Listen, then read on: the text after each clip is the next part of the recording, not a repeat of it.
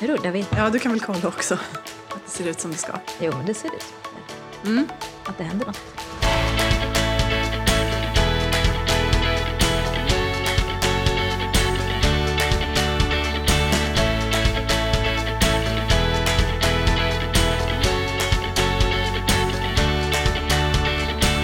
Vad mysigt att vara här. Ja! Ja. Hissen. Hissen! Med Schulman som är du Ja. och Eriksson som är jag. Ja, Ja. precis. ja. Och så, så är vi ju här i din eh, lokal. Mm. Som Min är ganska ny. Ja. Ja. Ny för mig. Ja. Men det, jag, jag har haft det nu sedan i somras, men jag har inte suttit här så där super, super mycket. Nej, det ska bli mer framöver. Och podd eh, varannan måndag, Ja, precis.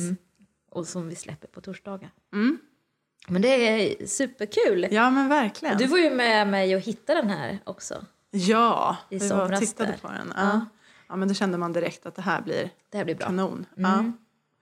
Du, ehm, vi har ju poddat tidigare. Ja, vi kanske ska säga det direkt. Ja, det är kanske lika bra att vi får det. Överstökat. Ja, Ja. Vi, det var två år sedan konstaterar vi nu som vi eh, sände våra sista avsnitt i eh, Skriv en bestseller eller en annan bok. Mm. Om man är väldigt intresserad av att skriva så kan man ju rekommendera den för den ligger ju kvar någonstans där ute i, i rymden. Ja. Jag tror att det är 50 avsnitt totalt. Ja, precis. Men den här eh, nya podden, den kommer ju inte eh, att vara någon sorts utbildning eller sådär. Nej, det är har vi ju lite mer. tänkt. Lite Nej. mer dagsaktuellt eh, så. Mm. Vad, vi, vad vi kommer på helt enkelt. Lite lösare ramar. Ja, ja. lösa boliner. ja. Men lite um, skrivandet och livet och relationer och kultur och, ja, och lite så va? och böcker och Ja, media och lite sådär. Ja. Sånt, sånt som man snappar upp. ja precis. Mm. Ja, jättekul ska det bli. Eller är. Ja. Lite pirrigt. Ja, ja, ja, ja. Men, men sen så får man ju höra av sig till oss också eh, om man har något på hjärtat. Så får vi se vad vi gör av det. Men då kan man höra av sig via våra Insta-konton som är ju väldigt logiska. Ja. I, eh, mitt heter Ninni Schulman. Mm. Och mitt heter inte fullt lika logiskt, men Nej. ändå. Caroline Eriksson Writer. Ja. Så det är bara att skriva till oss om det är något som ni eh, kommer på, Precis. undrar över eller Ja. bara vill avreagera lite. Men nu är vi igång då. Ja! Du, eh, hissen har vi ju valt att Ja. kalla den här. Ska Ja. vi eh, börja med att förklara vad det är för någonting? Eller? Ja, vi får väl göra det. Nej, men Mm. Vi brukar ju säga det till varandra, så hur var hissen idag någonstans? För det går ju lite upp och ner det här när man, när man lever och skriver och, och så. Det kan ju gå snabbt. Att det är ju egentligen som någon slags istället för hur mår du-fråga, eller ja, kan man precis. säga så? Ja, Litet alternativ. ja. Och ibland kan det vara takterrassen, ibland källarvåningen, Mm. Exakt. under jord, långt ner. Just det, nere i kulvertarna. Ja, exakt. Och så lite allt däremellan. Ja. Ja. Var är din hiss idag då? Min hiss idag är, mm, är ganska högt faktiskt. Jag kan säga att den är på väg upp. Ja. Jag tycker att oktober har varit en ganska jobbig månad Ja. för mig. Ja. Och, eh, och Något så. Särskilt eller? Ja, ja.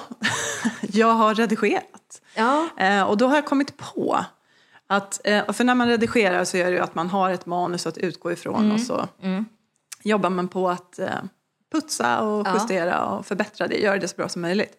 Och man gör ju det där i olika vändor. Och för varje vända så blir det ju mer och mer av liksom borra sig ner i detaljer. Och det har jag kommit fram till att nu är det här ändå min liksom, femte bok som jag skriver. Så någonting tror jag att jag har lärt mig om mig själv eh, och min process. Och det är väl just det att eh, när jag kommer i de här senare redigeringsvändorna, när det blir mer och mer fokus på detaljer, då blir jag liksom typ manisk. Aha. Alltså jag går igång så in i, jag vet inte vad. Jag eh, får så förhöjd puls.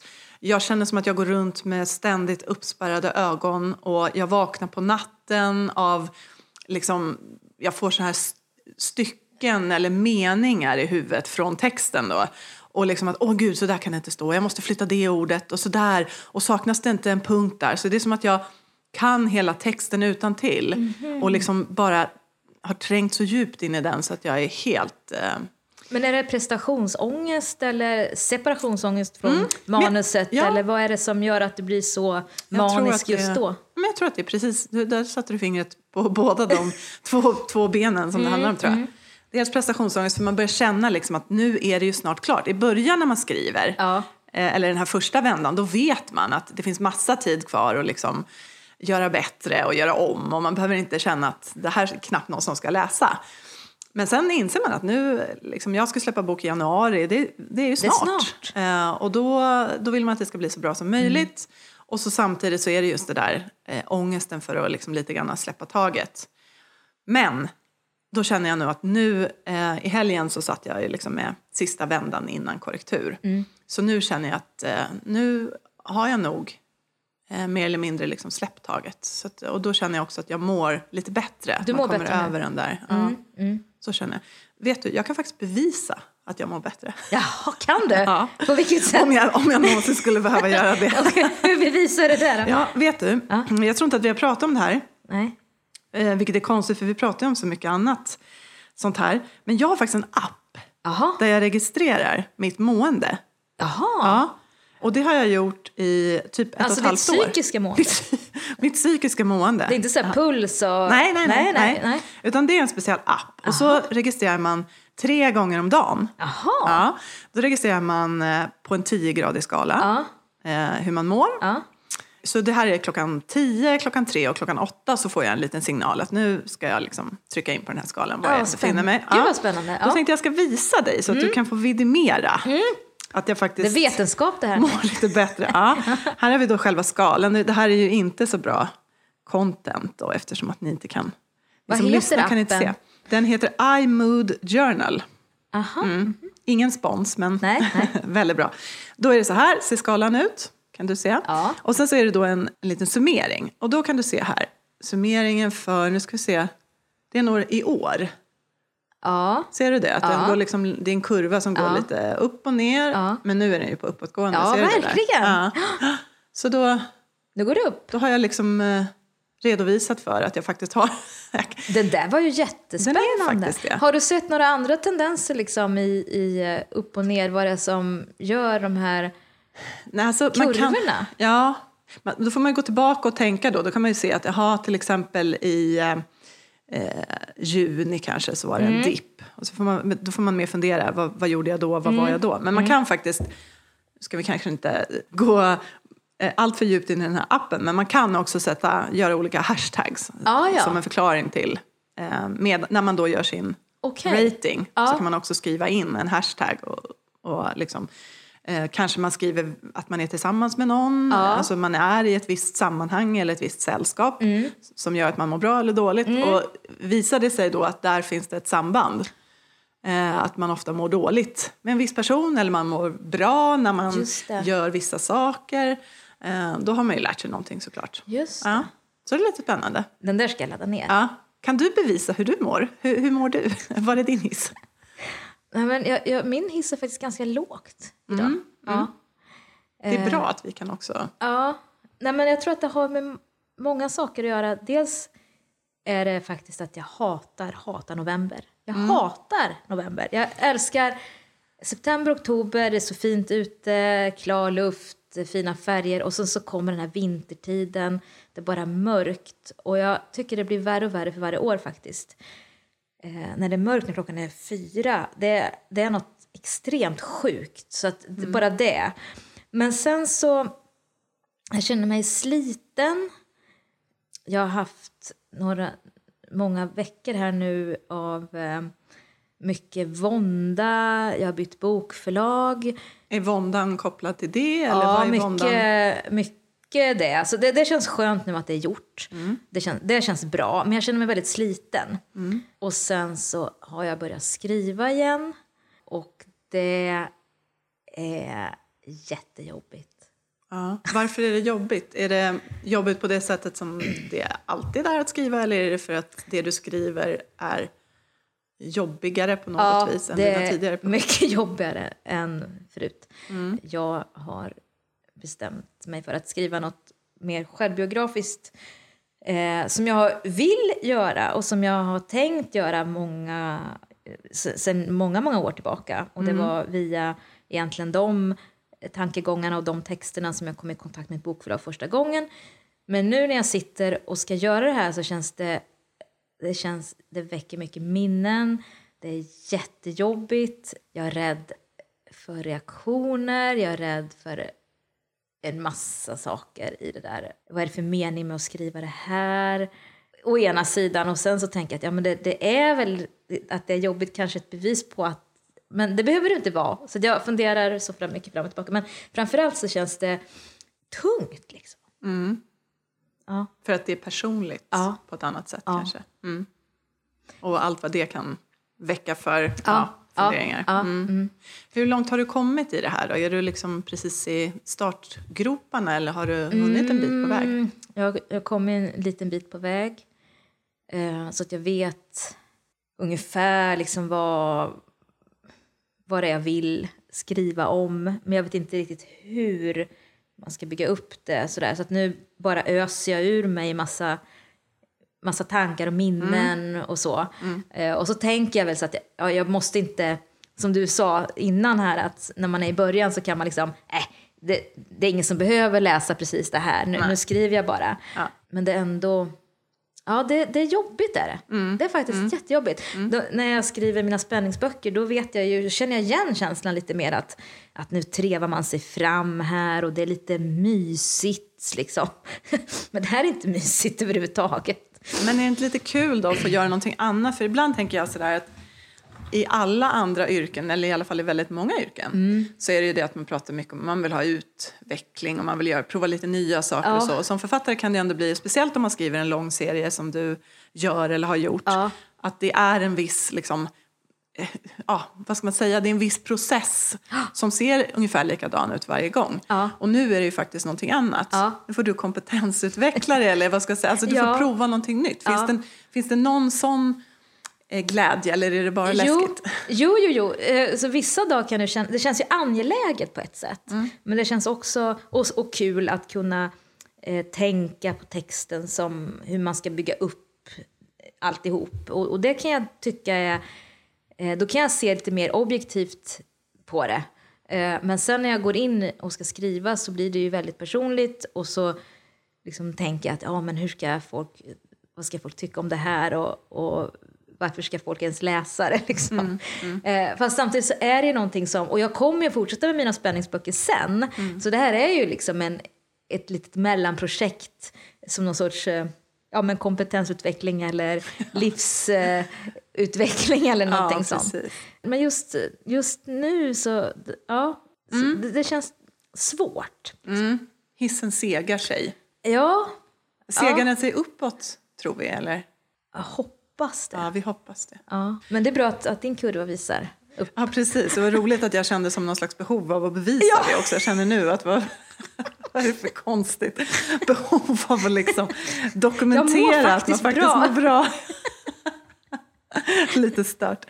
Ehm, nej, men jag tänker det här med att man, ehm, den här känslan, men varför ska någon vilja läsa det här? Ja. Och, är det här verkligen någonting som någon ska Precis. få ut något av? Så. Ja. Den känslan tycker jag ändå att man kan ha. Den har ju jag också. Alltså, Den har även om man jag inte skriver, den har man oavsett. Ja, Liksom. precis. Så att ehm, du behöver inte känna dig Nej. helt eh, Nej, ensam nej. i den. Vi får se var det, var det landar någonstans. Ja. Hur det känns nästa gång Ja, vi poddar. precis. Ja. Då kanske min kurva har gjort ett brant dyk och det är du som är på väg upp. Who knows? Vem vet? Det Vem kan vet? variera snabbt.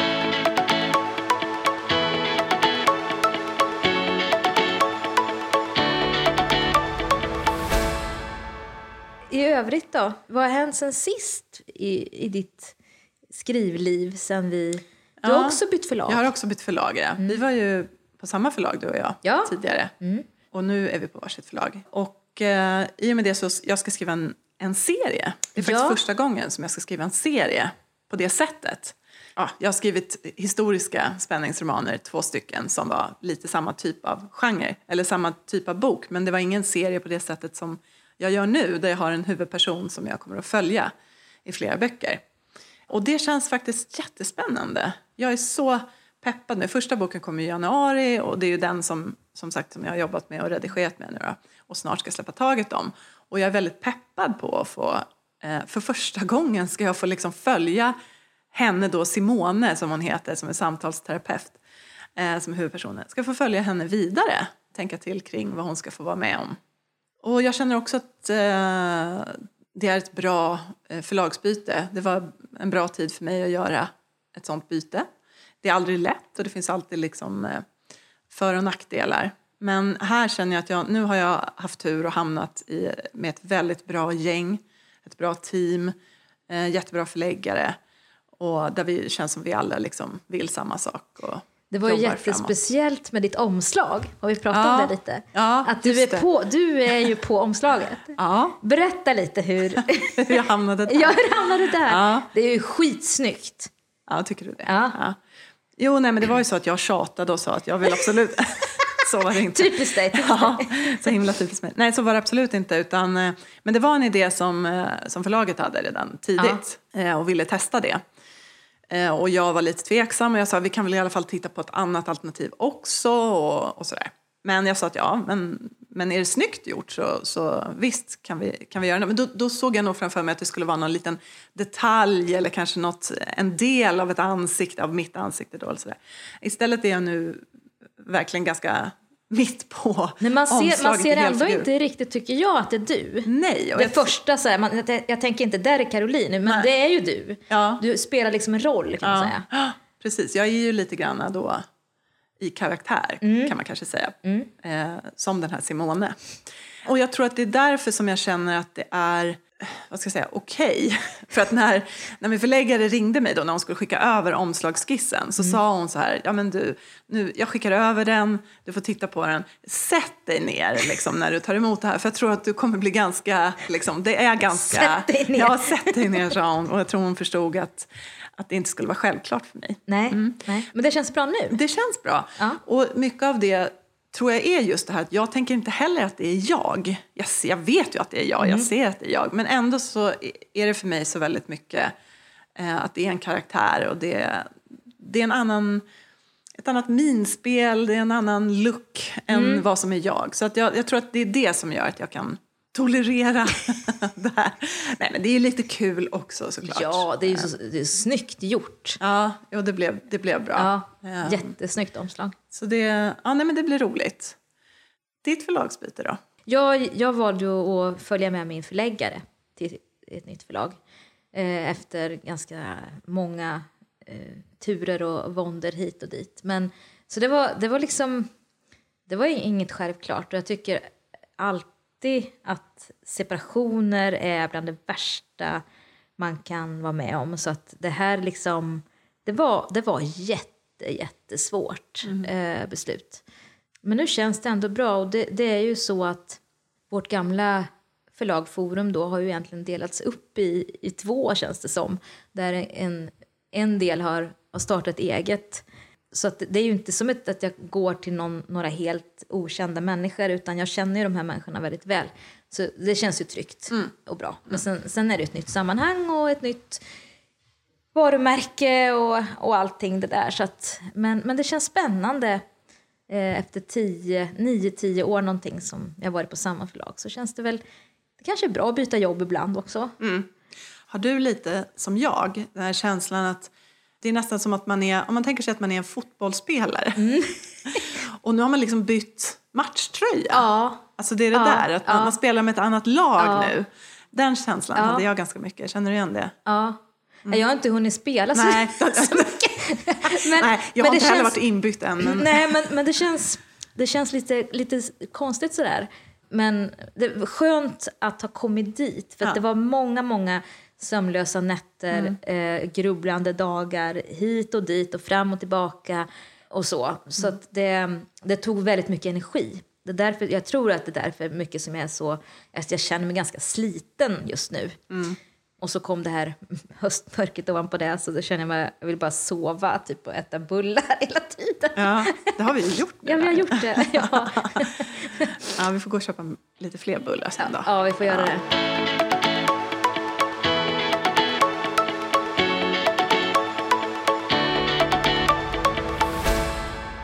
Jag skriver ju eh, spänningsromaner, det gör vi ju båda två. Ja. Eh, och i, I mina böcker så finns det ju alltid en spänningsmotor. Mm. Men fokus är ju egentligen alltid på relationer. Ja. Mm. Och liksom nära relationer. Eh, familjerelationer, äktenskap, parförhållanden. Och det har väl att göra med just min bakgrund som socialpsykolog. Det är Mm. det jag liksom är eh, sjukt intresserad av helt enkelt. Du känner väl igen det här? Ja, ja, ja. Ja, Jag är likadan jag. ja vi pratar mycket om sådana saker. Ja.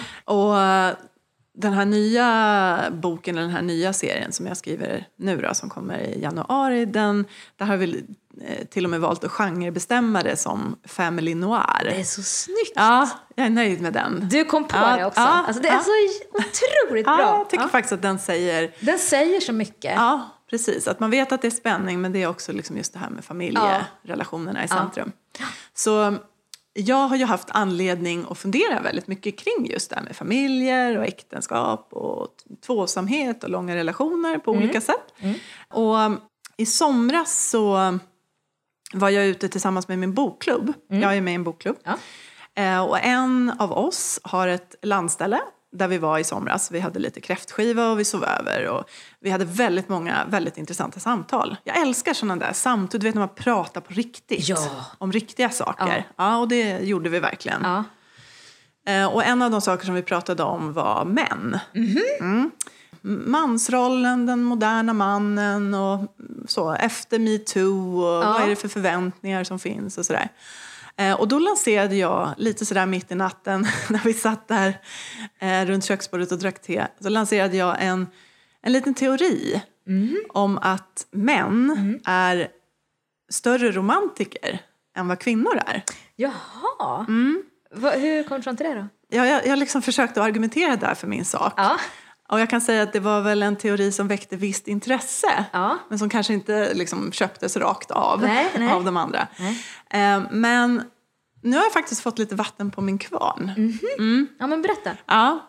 Till att börja med, så precis nu för några dagar sedan så såg jag att eh, det finns det här datingföretaget Match. Ja. Match.com. Eller? Mm. Och de hade gjort någon undersökning bland sina medlemmar. Mm. Och där visar det sig, nu måste jag bara kolla min lilla fusklapp, att bland männen eh, så är det en av tre som eh, har registrerat sig där Mm. för, i syfte att eh, liksom, träffa någon. Ja. Medan det bara är en femtedel av kvinnorna som faktiskt Ja. har som uttalat syfte att träffa någon. Och det var flera sådana här resultat. Män svarade klart mer positivt än kvinnor på att de sökte någon eh, att liksom knyta an till. Eh, de sökte en meningsfull relation. ja. På den typen av frågor så Typ hade män... ihop, gifta Ja, sig. jag- på den. Ja. Ja, typ så. De sökte någon och, som skulle göra dem lycklig. Jaha. Och på alla de här frågorna så var det liksom män svarade i högre utsträckning då ja, på det än vad, vad kvinnor var mycket mindre. Okej. Eh, det som kvinnor, den enda fråga som jag har sett i den här sammanfattningen av resultaten Ja. där kvinnor var eh, liksom hade Ja. en högre svarsfrekvens än män. Det var när det handlar om huruvida man nätdejtar för att döda tid. Så eh, jag vet inte, du vet den här, den här liksom bilden som kan finnas ibland sådär populärkultur och så, att kvinnor liksom Jaha, vill... de vill gifta sig och, Eller hur? och villa, Ja, Volvo, vovve, det där. Att det liksom ska sitta vara och en kvinnogrej. vänta på att han ska ringa. Det var ju eller- jättespännande. Eller hur? Men vad tror du det beror på då? Ja, Har du någon teori? ja, men det här var ju liksom en punkt. Om man, säger Ja. här, om man, om man ska ha en spaning då ska man ha tre, minst tre Ja, iakttagelser ja. brukar man väl säga och Ja. bygga upp det med. Då har jag, det här var min ena. Så kommer det två till. Mm. och en liten bonus och så, så får vi se vart vi landar. För att då kanske det är så vän av ordning kanske tycker att en sån här undersökning på ett datingföretag kanske inte räcker utan man kanske undrar vad säger forskningen? Mm. Och då finns det forskning, ganska mycket forskning om vad som händer i andra änden av en relation, när, när, om och när det blir skilsmässa. Ja. Det finns en man som heter Glenn Sandström Ja. mm, som är forskare vid, eh, i Boden. Eller han kommer från Boden tror jag. Han är forskare vid eh, något Centrum för befolkningsstudier i Umeå. Mm. Och han har tittat mycket på liksom, eh, olika studier om äktenskap och skilsmässor. Så att han har liksom satt sig in i massa olika forskningsresultat. Då säger han det att till att börja med, vad man kan se i forskningen, det är att majoriteten av dem som söker skilsmässa är kvinnor. Mm. Och att efter en skilsmässa så mår de här kvinnorna bättre medan männen mår sämre. Och det är liksom både på eh, objektiva eh, hälsofaktorer och det liksom upplevda Ja, ja. välbefinnandet. Ja. Så i precis anslutning till en skilsmässa, då Mm. mår och nästan alltid så mår båda parter ganska dåligt. Mm. Det är jobbigt att gå igenom det där. Men över tid så vänder det sen uppåt för kvinnor. Eh, de mår bättre när de lever ensamma. Mm. Män mår sämre. Och dessutom så visar också forskning att det finns, för det finns någon sån här gammal sanning om att, sanning gör jag inom så här situationstecken, men att, eh, och det tror jag att många kan kanske känna igen, att, att män eh, oftare träffar en ny partner ganska snabbt Ja. och det tar längre tid för kvinnor. Och då finns det någon sån där sanning, återigen citat, Eh, att män i snitt träffar en ny partner efter ett år. Medan kvinnor, kan du gissa hur många år? Jag har ingen aning. Sju. Tre. Sju? Sju! Oj! Så det är ganska stor skillnad. Ja. Och även där menar Ja. han då, den här Glenn Sandström, att det, fi- det finns liksom belägg för det i forskningen. Så det är inte bara något sånt där som är taget ur luften. Nej, nej, nej. Så kvinnor tar liksom initiativet till skilsmässa, de mår bättre efteråt och det dröjer längre innan de träffar. Och de vill inte träffa... Nej men Nej. Det, det kan man precis. Ja, ja. Och då kan man ju vara, då kan man, du frågade vad det beror på. Ja, mm, ofta förklarar man ju, eller en, en förklaring som kanske ligger nära till hands är väl då att eh, man kanske har i de här äktenskapen som, som kommer till ett beslut om skilsmässa så har man många gånger levt ganska ojämställt. Så är det ju. Alltså att, att leva jämställt det är en av de eh, bästa Ja. eh, så här, garantierna för att om man vill ha ett livslångt äktenskap så är det liksom en förutsättning. Så har man levt ojämställt och skiljer sig då är, det, då är det oftast så att det har varit till mannens fördel och alltså är det inte så konstigt att kvinnorna Nej. mår bättre efteråt och sådär. Och hellre lever själva. Ja. Men, då förstår du, så har jag hittat lite annan spännande eh, forskning. För då, som, som handlar då, för de här, det som jag pratar om nu, det gäller ju heterosexuella par. Och då kan man fråga sig hur det står till med homosexuella Ja, par. ja. Ja. Eh, och då är det så att skilsmässostatistiken för manliga homosexuella par är ungefär likadan som för eh, heterosexuella par. Skiljer sig i ungefär samma utsträckning. Eh, kvinnliga eh, homosexuella par skiljer sig i väsentligt högre utsträckning än både manliga homosexuella och heterosexuella par. Jaha. Så här finns ju inte den här förklaringsmodellen. Trots Nej. att den inte finns då, det här med det traditionellt ojämställda med mannens överordning och kvinnans underordning så väljer fler kvinnor att gå ifrån sina förhållanden. Vad intressant. Ja, visst är det det? Ja. Så jag känner lite så här nu att här, den här teorin som jag lite hastigt lanserade där i somras med att män är större romantiker. Ja. Jag tror ändå att det kan ligga, jag vill ändå liksom sticka ut hakan Ja. lite och säga, kan det, kan det inte Det finnas någonting så. i det? Men vad, vad, hur kommer det sig då? Ja, hur kommer det sig, då kan man nästan fråga hur kommer det sig att vi så länge, liksom att den här bilden av kvinnan som den Ja. som så gärna vill liksom man snärja tänker- en man eller vad ska Man tänker ju liksom ändå att, att eh, historiskt sett att, att eh, vara kvinna och mamma kräver att någon finns där och kan ta hand om en och försörja en. Så har det varit sett ut liksom. Mm. Eh, och att man tänker att, att en kvinna vill ha en man som försörjer och är som en trygghet. Just det. Och nu så, kanske men- det inte behövs på samma Nej, sätt. precis. För, för många kvinnor, vi ju säga så, Ja.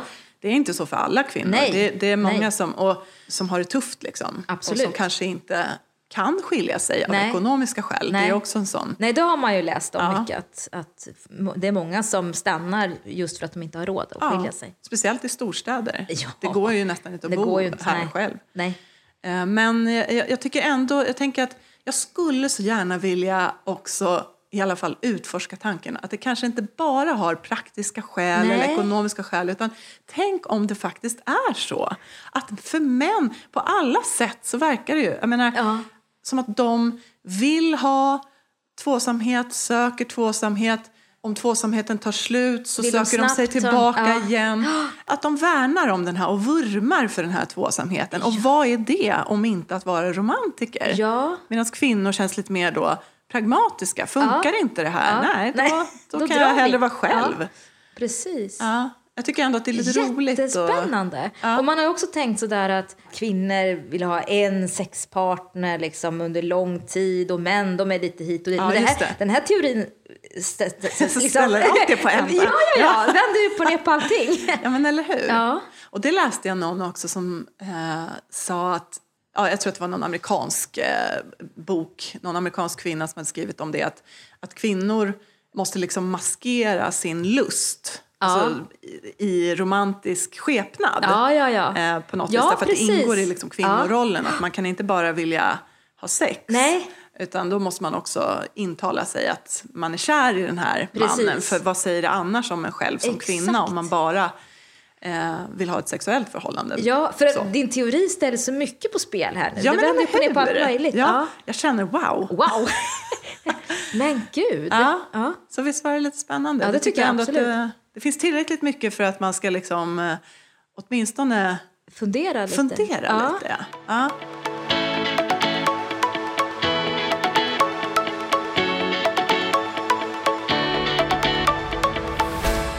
Vad är din erfarenhet av liksom män versus kvinnor som romantiker?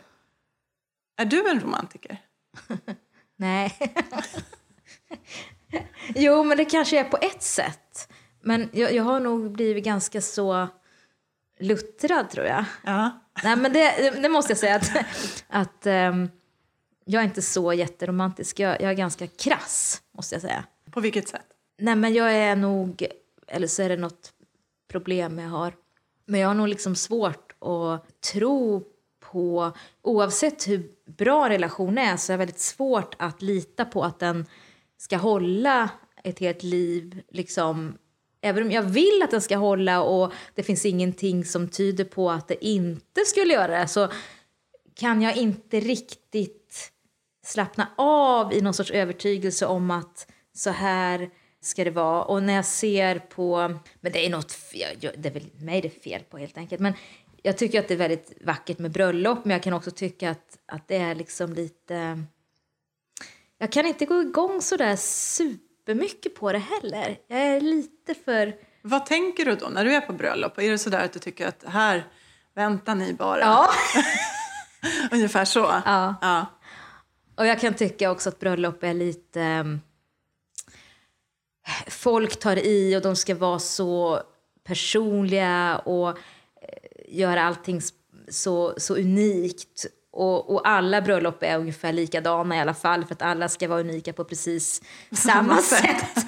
Jag kan, jag kan bli liksom... Jag, jag gillar mer sådär... Jag hade någon kompis som, som eh, gifte sig borgerligt liksom och så hade de inte ens någon musik och så hade de sen någon, någon annan i sällskapet eh, skapat någon musiklista liksom för att det skulle vara musik. Jag gillar nog lite mer sådär att man tar det lite men, men det är väl att jag kanske inte vågar vara romantisk, romantisk Nej, just det, för det, det kräver ju faktiskt att man Ett vågar- mod. Ja, och jag är feg, tror jag. Jag vågar inte riktigt... För att vara romantisk, då går man ju verkligen in och, och blottar sig väldigt mycket. Ja. Att jag tror på det här, liksom, att man nästan är så religiös och jag tror på...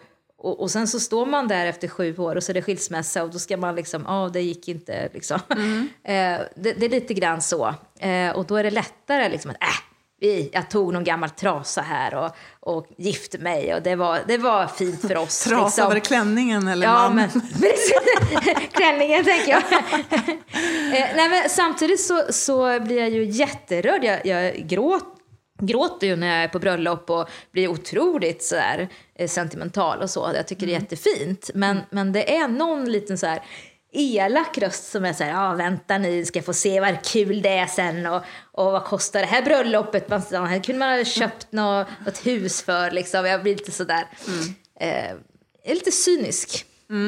Men det är ju, alltså, det kan nog Det är ett vara... skydd. Ja, precis. Ja, det, det tror jag att det är. Är man lite cynisk och lite så, så, så har man alltid som ett skydd. Då kan Ja. man alltid, Ja. Det är ju läskigt Jag får ju alltid rätt till slut.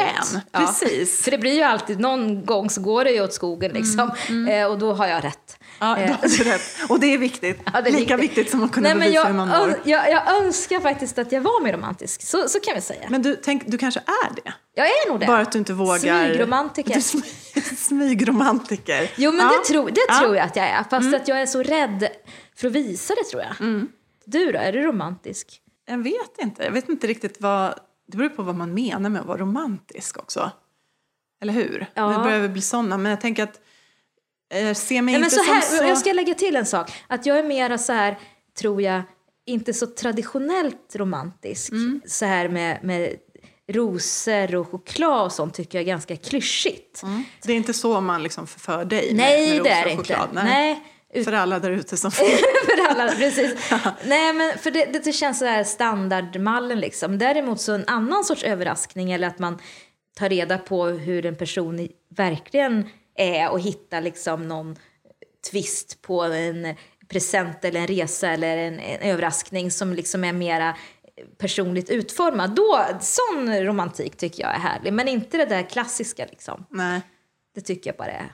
Det, kanske inte, det är inte lika fantasifullt. Alltså jag tror att de Nej. flesta skulle kanske hålla med dig. Det är klart att Ja. man vill ha... Man känner sig ju mer sedd.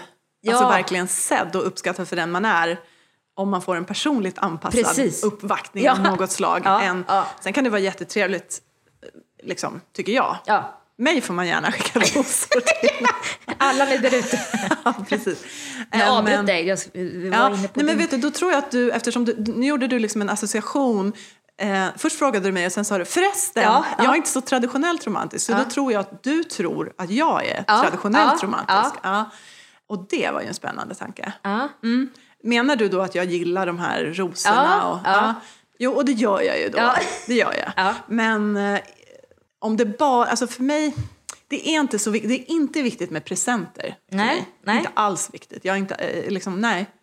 Utan, eh, men jag tycker, ja det är klart att det är roligt att få blommor, men det kan vara ännu roligare att få blommor eh, spontant någon gång än på alla hjärtans dag Mm. Ja. nödvändigtvis. Det är, Ja. liksom, det är så.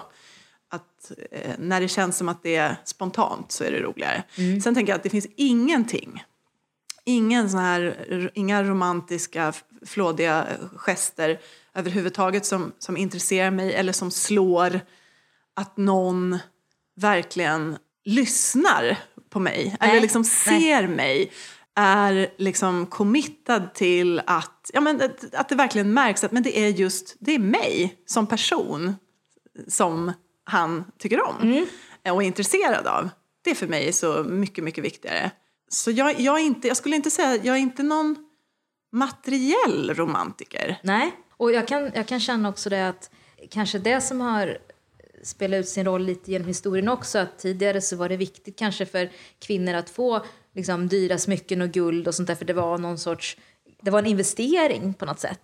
Men nu för tiden så, förhoppningsvis så, så är ju inte vi beroende av gåvor på samma sätt, att det blir också en sån här lite, här eh, ska du få något vackert av mig, liksom, men resten behåller jag för mig själv. Men här får du... Ja, just det. Så, är du med Ja. hur jag menar? Ja. Att, att det är en eh, hierarkisk fråga liksom, som Ja, lever verkligen. kvar lite grann. Ja. Och att nu blir det lite konstigt om, om det är två personer som, som kanske lever väldigt jämställt och så ska den ena ge den andra jättedyra presenter. Fast man kan ju ge sin man också jättedyra presenter om det, Det kan man är faktiskt så. göra. Ja. Det kan man göra. Men, men då är det också det där, tänker jag, att det inte är själva, själva prislappen som är det viktiga utan tanken bakom. Så tänker jag. Mm. Absolut. Ja. Eh, men ändå är det där med roman, alltså man, man säger ordet romantisk så Mm.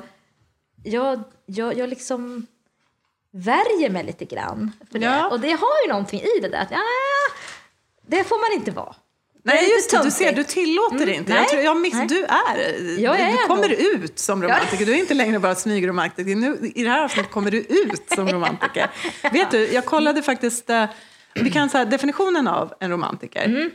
Enligt Svenska Akademin, Mm. Ja. som vi ju sätter stor tilltro till. Ja, absolut. Ja. Eh, då i alla fall, eh, eh, deras ordlista är ju Ja. ändå eh, så bra. En romantiker är en person som är lagd för drömmar om kärlek och det ljuva i tillvaron. Sug på den. Ja, du. Så det är väl det här med att eh, våga drömma tillvaron. och tro på det ljuva. Mm. Det är där jag har ett problem. Ja, det är ljuvheten som Ja, inte det är riktigt... ljuvheten som... Nej, och det där har jag tänkt på mycket. Varför jag måste gå och sucka över allting hela tiden. Sucka över allting, Äh, allting. ljuvt. Nej, varför Nej. kan jag liksom inte tro på det ljuva i tillvaron när den finns? Mm. Alltså inte ens när jag har det bra. Jag har det jättebra Mm. nu. Liksom. Varför ska jag gå och hålla på och, och liksom inte låtsas om det. Jag, det är som att jag inte vågar tro på att det ska finnas kvar imorgon. Så det är lika bra att jag redan nu ser igenom det. Liksom. Ja. Det är dumt, är det. Ja, det är lite, lite synd kanske. Ja, det är om synd. Det, jag menar, det är en sak om man verkligen inte... Om du verkligen inte tyckte att det var något att ha och du var inte romantisk och så. Men nu, man får ju Jo, men jag kan se det. du... Men sen är det som att jag vågar inte tro Nej. att okej, det här är bra exakt nu, Mm. men imorgon är det borta. Så det är ingen idé att jag liksom lägger ner någon tanke på det här Mm. ut, eller njuter extra mycket, utan nu, det här är nu och, och sen så är det borta. Men, du, men det kan ju också vara så här då. Jag har eh, i alla fall en kompis som eh, sa någon gång så här att eh, men det är ganska bra, och hon lever också precis som jag i ett liksom, långt äktenskap. Hon sa så här att eh, det är ganska bra att alltid tänka sig att det finns en exit. Ja, Att alltid ha det med sig i medvetandet. Ja. Det kan låta oromantiskt, men eh, om man har det, liksom, det är inte så att man bara har gift sig och sen så ska det vara så här jämt. Eh, utan om man har den där tanken att ja, det skulle faktiskt kunna bli så att vi går skilda vägar, då blir man också mer det blir förhållandet mer dynamiskt, man väljer varandra varje dag. Det är inte bara att man valde varandra en gång där i kyrkan, utan man måste anstränga sig för att man är medveten om att det kan faktiskt gå snett annars. ja. Så lite, en liten poäng med att vara lite krass kan ja. det också finnas, även som romantiker. Ja, för det har jag faktiskt tänkt på också. Att, att det finns en risk att ett förhållande faktiskt dör på bröllopsdagen. Ja, Jo, för att innan man träffar någon, då, då liksom man gör sig till lite, man är lite bättre än man kanske är. Och den andra gör sig också till och så tänker man, men gud, han, han hjälper mig med det här och gud vad han är bra på att laga den här maten, eller vad det nu är. Man, man liksom ser det bra hela tiden liksom och, och så. Eh, och om man har något problem och är lite, lite, visar sitt sämre jag och det tas emot väl så, så liksom blir man glad för det. Så där. Men sen när man har gift sig, då är det precis som att nu har man lovat varandra att man ska stå ut med den andra. Och, nu är det klart!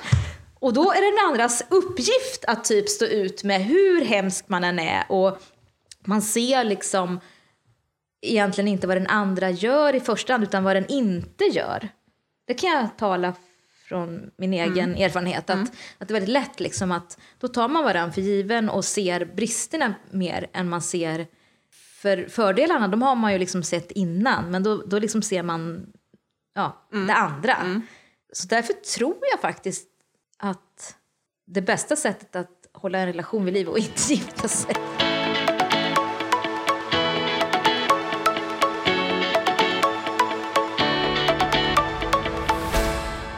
Ja, men vad tror vi då? Kan vi liksom så summera? Tror vi, tror vi på den här teorin? Liksom? Om vi ska dra till, vågar vi gå så långt som till att säga att män är större romantiker? Eller kan vi åtminstone stanna vid att de ändå tycks vurma för, vilja ha och behöva tvåsamheten Ja. mer än kvinnor? Ja, absolut. Ja. Men det här får vi nog tillfälle att komma fram, Ja. fortsätta prata om. För det hade många... Jag, jag vill liksom veta, som sagt, mer varför kvinnor inte är romantiker. Eller Mm. liksom så, och vad det är. Ja, det, det är mycket där. Vad tror ni, lyssnarna? Ja, ni kan ju Tror ni att det ligger någonting i det här? Ja. Hur känner ni? Är ni romantiker eller inte? Ja. Smygromantiker eller, Som eller jag. andra? Ja. Motvillig romantiker. ja, precis. Motvillig romantiker. Ja. ja, men det kan vi fundera på. Ja. Ska vi stänga lådan för idag? Mm, vi stänger lådan för idag. Så poppar vi upp igen som Gubben i lådan. om två veckor. För det är så vi har tänkt. med oss då. Varannan torsdag. Yes. Om inget annat meddelas. Ja, det lät formellt. Om inget annat meddelas. Ja. det kan komma jul och sånt där. Ja, precis. Och sånt tjafs. Men, men som, eh, som planen ser ut så kör vi varannan torsdag. ja, hoppas ni är med oss. Absolut. Tack för idag. Hej då! Hej då!